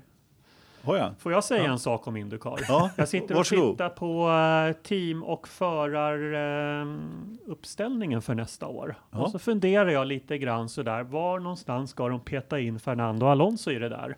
Och det är inte så himla lätt att se var de ska peta in honom någonstans i någonting annat än en inhopparbil i, eh, alltså i ett race kan man ju alltid hoppa in eller två.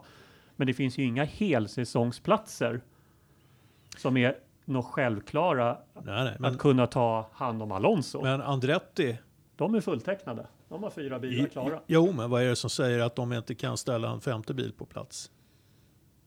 Jo, men då är vi inne, det är precis, vem ska betala för det? Ja, ja, Mm. det, nå- någon ska ju pröjsa. Nej, men det är väl Men det det har varit det- snack om hela tiden, att han ska ha en extra bil i något av stallen. Som, eller alternativt ett eh, understall med Mm.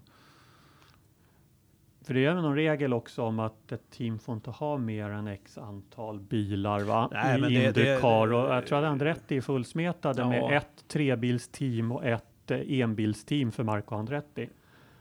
Eh, Där är det ju fullt, alltså de, där, där det finns liksom lediga platser idag. Det är ju Carlin, inget man hoppar jämfota över kanske. Eventuellt en bil hos Ed Carpenter Racing, samma sak där. Junkos Racing, nytt team som ställer upp i två bilar i år eller nästa år.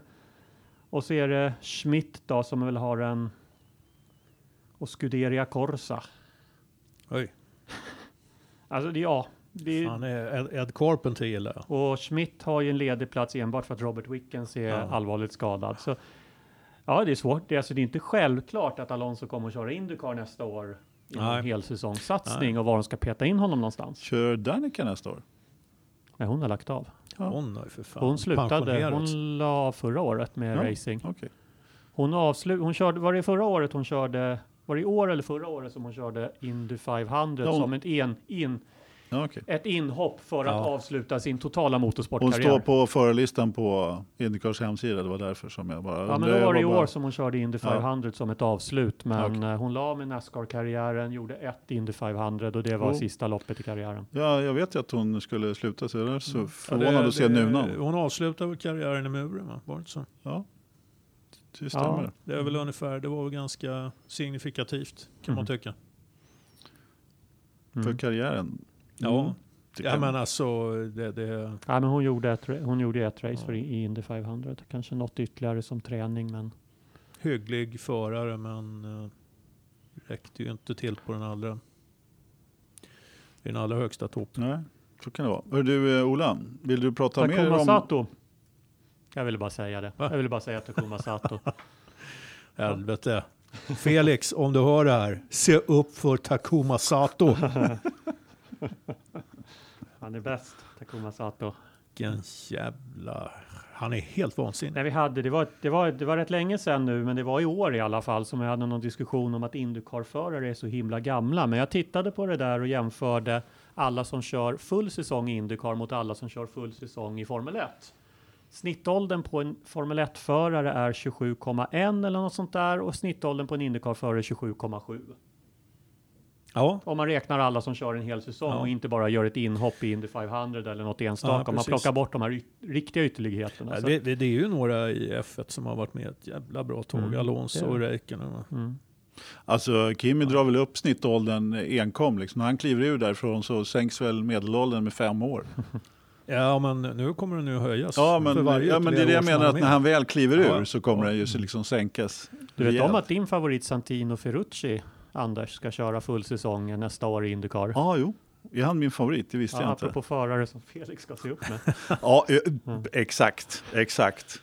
Felix, om du hör det här, Ja. se upp Ja, med vi Santino kanske, Vi Ferrucci. ska inte lova för mycket. Vi försöker ju få till att vi kanske faktiskt ska få ett snack med Felix i något avsnitt av den här podden innan vi lägger ner den. Så att eh, vi kan väl hoppas på att vi får till det ganska snart.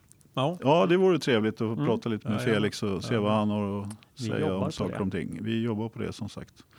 Vad bra, Mm. vad bra. Eh, ja, då har vi väl egentligen bara ett par programpunkter kvar idag. Eh, Ternström, vem är din veckans förstappen? oj. Den, den frågan kom plötsligt. Ja, den gjorde ju det. Ja. Veckans förstappen. Du, har, menar du har inte du gått och liksom funderat på den här hela veckan? Nej. Det gör jag alltid. Så Det fort ligger- vi kliver utanför här så vem fan Det ligger ju en väldigt djup analys bakom nomineringarna och utnämningen Ja. av veckans förstappen. Ja, vi har ju några stycken ändå som gjorde en del. Ja, det finns ju. Det, det problemet är nästan att det finns för många som eh, har underpresterat tycker jag. Men eh, ja, ska man vara jävligt tråkig så kan man ju eh, dra till med eh, Fettel. Ja, Alltså det är inget, det är inget spännande, det är inget kul. eh. man måste inte alltid vara spännande Nej. Du är nej, ju alltid så nej. spännande annars. Ja, jo, precis. Han, är- nej, men det är väl Fettel. Jaha, alltså. Det då har vi är- veckans förstappen från men, ja, men, men eh, på det temat. Ja. Jag menar, alltså eh, återigen. Det som jag sa för några poddar sedan. Liksom. Vad fan är, tänker Kahn lägga av redan i år? Alltså, Förstappen? nej. Vettel. Ja. Alltså, Ja, vad, men- hur, hur, vad, vad gör han av det här? Eh, den här, eh, jag vet inte vad man ska kalla det för. Det är ju en, mer eller mindre en kollaps. ja, jo. Va, vad ska han göra av det här? Ja, ja det kan man fråga sig. eh, vad drar han för lärdom av det här? Vad, är, vad blir konsekvensen av det för Ja, men- honom? Vad blir konsekvensen eh, så att säga från Ferraris sida Ja. av, av detta? Det man fråga Och eh, sen ska Leclerc kliva in här alltså. Ja, det kan bli jobbigt. Ja, jag- Till och med ja. Hamilton smörjer upp honom liksom på Ja. Instagram. Eh, om det nu var ett... Eh, Klassisk psykologisk krig. Jo. men nu, har jag, liksom- nu har jag besegrat dig igen Ja. och jag vände på det här så nu, nu kan jag liksom trösta Ja, dig ja. lite grann också så att Jo, jag börjar med det- ännu större övertag Jag nästa förstår år. att det är jobbigt Ja. i, i det här läget Sluta att få stryk och så vidare och att det inte var lika bra som jag är. Liksom. Men Mm. det, är, det är lite det han säger med det här. Va? Så Ja. att, eh, Ola, lite Ja. genomskinligt. Ja, har du någon veckans Verstappen? nej, ja, nej, jag sitter också och funderar och... Nej, men jag säger hela Ferrari. Ja. Alltså Kimi Räikkönen, jag, jag kan ju inte säga att Kimi Räikkönen är veckans Verstappen även om han förtjänar det för att Vettel förtjänar ju lika mycket. Då är det Vettel och Kimi Räikkönen men så kör de ju för ett team som fullkomligt har Ja, tappat allt grepp. Så det Men får vad- bli liksom hela Ferrari-kollektivet. Det enda som talar för dem är att de kommer tvåa i år i konstruktörs-VM och kommer få mest prispengar igen av alla F1-team. Så det är jättebra för dem. ja. Men, Men- Vad, vad, vad fan gjorde stackars eh, Kim för fel här då egentligen? Ja, men han, han var ju ingenstans, han sover, han Nej, men snurrar bilen- runt, han blir bilen var påkörd av en holländsk tonåring som inte riktigt Ja. är tonåring längre. Nej, men det, han, är, Ja. han är så blek. Ja, Han är så blek och trist. Och, nej, ja. Så Ja. jag tar hela Ferrari-kollektivet. Eh, Det är veckans Verstappen. Mm. Nu ser vi fram emot en, eh, en avvikande åsikt. Nå, någonting Alltid. spännande här. Alltid. Inte ett dugg spännande. När ska du utnämna mig till veckans Verstappen? Ja, jag hade haft, haft på gång länge här, men, eh, men jag hade, hade jag inte det här för något avsnitt Nej, sen? Fast kanske det det, blev någon annan Alltså det här eh, allt. bedrägeriförsöket Anders ägnar sig åt. Det var, han gjorde Ja, ett misstag att skicka ut det till alla. Det var tänkt att enbart vara riktat Var- till dig. Ja. Ja, eller hur? Eller hur? Nej, min veckans Verstappen är eh, Verstappen. Han måste ju ändå få lite kritik för hur han lyckas eh, eh, eh, krascha bort, brom, krascha bort Vettel. Nej, men hela hans attityd överhuvudtaget. Han gjorde ju ett jättestarkt jobb, men nej, han, han, det var en klassisk Verstappen. Han körde av, körde in i Kimi, kör, han, han krockade med båda Ferrari-bilarna. Jag tycker det, det kan inte bli mer klassisk Verstappen än så, så som loppet var. Sen, sen gjorde han ju en eh, ganska strong comeback och det har han ju gjort här också. Så att, eh, det är ju signifikativt för honom tycker jag. Så att, eh, Ja. ja. Vettel, Ja. Ferrari och Verstappen är Ja, våra veckans veckans Verstappen. Ja, nej, du får ju tycka vad du vill. Det är inte rätt, men Nej, ja. Nu tycker du sådär fel igen. Ja. ja, jag vet Ernström. Tycker du annat? Jag, jobbigt. går det med virket, Jag-? Ternström? Ja, jag vill ju vara... Jag skulle ju vara spännande ju. Han svarar inte Det, på sådana här det, var, frågor. det där var ju... Vet, det där var rätt blekt. Det kändes, känns som du verkligen sökte någon effekt där som liksom inte riktigt landade hos oss. Ja, det var ni som skruvade upp förväntningarna innan Ja. här genom att komma med tråksvar och säga att jag skulle komma med något. Så att, eh, nej. Ja, det är, Marcus kan ju få en mini-förstappen också efter sitt kval då. Om vi ska vara sådana. Ja. Mm. Det var, det var inte Mm. bra. Så är det. Nej hörni, nu eh, tar vi och Men- pratar ja, väder tänkte jag säga. Men du verkar prata, vilja prata något annat innan. nej.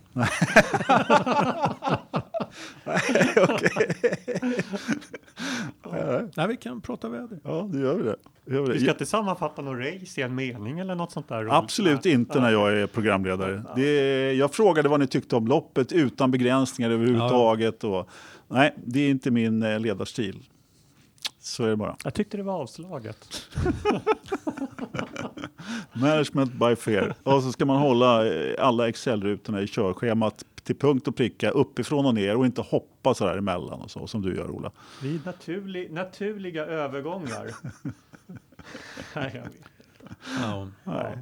10 grader är Men, det. men, hörni. ja, Ja, men, men 10 det, grader. det, det, det, när jag noterar att du har inte, som du brukar göra, brukar alltid liksom, du ska alltid visa någonting. Ska jag? Ja, Spela upp en video menar ja du? spela upp en video eller visa någonting på mobilen eller vad det kan vara för någonting. Sånt där som inte funkar när man gör en podd. Ja. Mm. Nej, men jag har inget sånt Du har inte lagt in det i månus? Nej, jag skulle ha förberett det i så fall. Jag får fixa det till nästa, vecka. Och Ja. vi, du, ja, jag sitter och viftar med mobilen på några bilder och sådär. Ja. Ja, och packar upp paket och delar ut t-shirts och annat som vi inte... Liksom, sånt där som lyssnarna Ja, bara får man ju "Vad- vad fan använda sin- Vad är någonting?" det som händer? Kreativa ådra och beskriva sånt. eh, Ja, sånt. Ja. Nej, men... kör. t-shirt till mig eller Ternström? Nej, inte idag. Nej, vi Inte kommer, idag. aldrig, vi Nej, kommer aldrig få kommer något. aldrig få Vi kommer aldrig få någonting. Nej. Eh, nej, men kör vädret ur så blir vi av Det med var det. jättebussigt att du åkte till Riga och inte kom med, med presenter till oss. Nej, jag har bara en present till Jakob. Mm, precis. Från Riga också. Ja. Mm. Tack. Eh, det, han får inte den idag eftersom han inte är med. Men jag kan lä- överlämna den live i nästa podd. Om det är okej. Om han Ja, är, ja, nästa ja. podd han Ja, är med. visst, alltså. visst, ja, visst. ja. Eh, det är som sagt 10 grader där uppe. Det är ju nästan, vad heter det, indiansommar. Vad fan, det var ju snö förra Ja. Ja, den är ju borta nu kan jag säga. Börjar pipa iväg. Ja, Prognos regn. det vänder nu igen. Mm. Vindavkylningen den är samma som temperaturen, ja precis. Mm. Jag säger att det är något skumt med det. Ja. Nej, du ändrar sig. Precis nu när jag satt och tittade på den. Nu blev det bara 9,2 grader.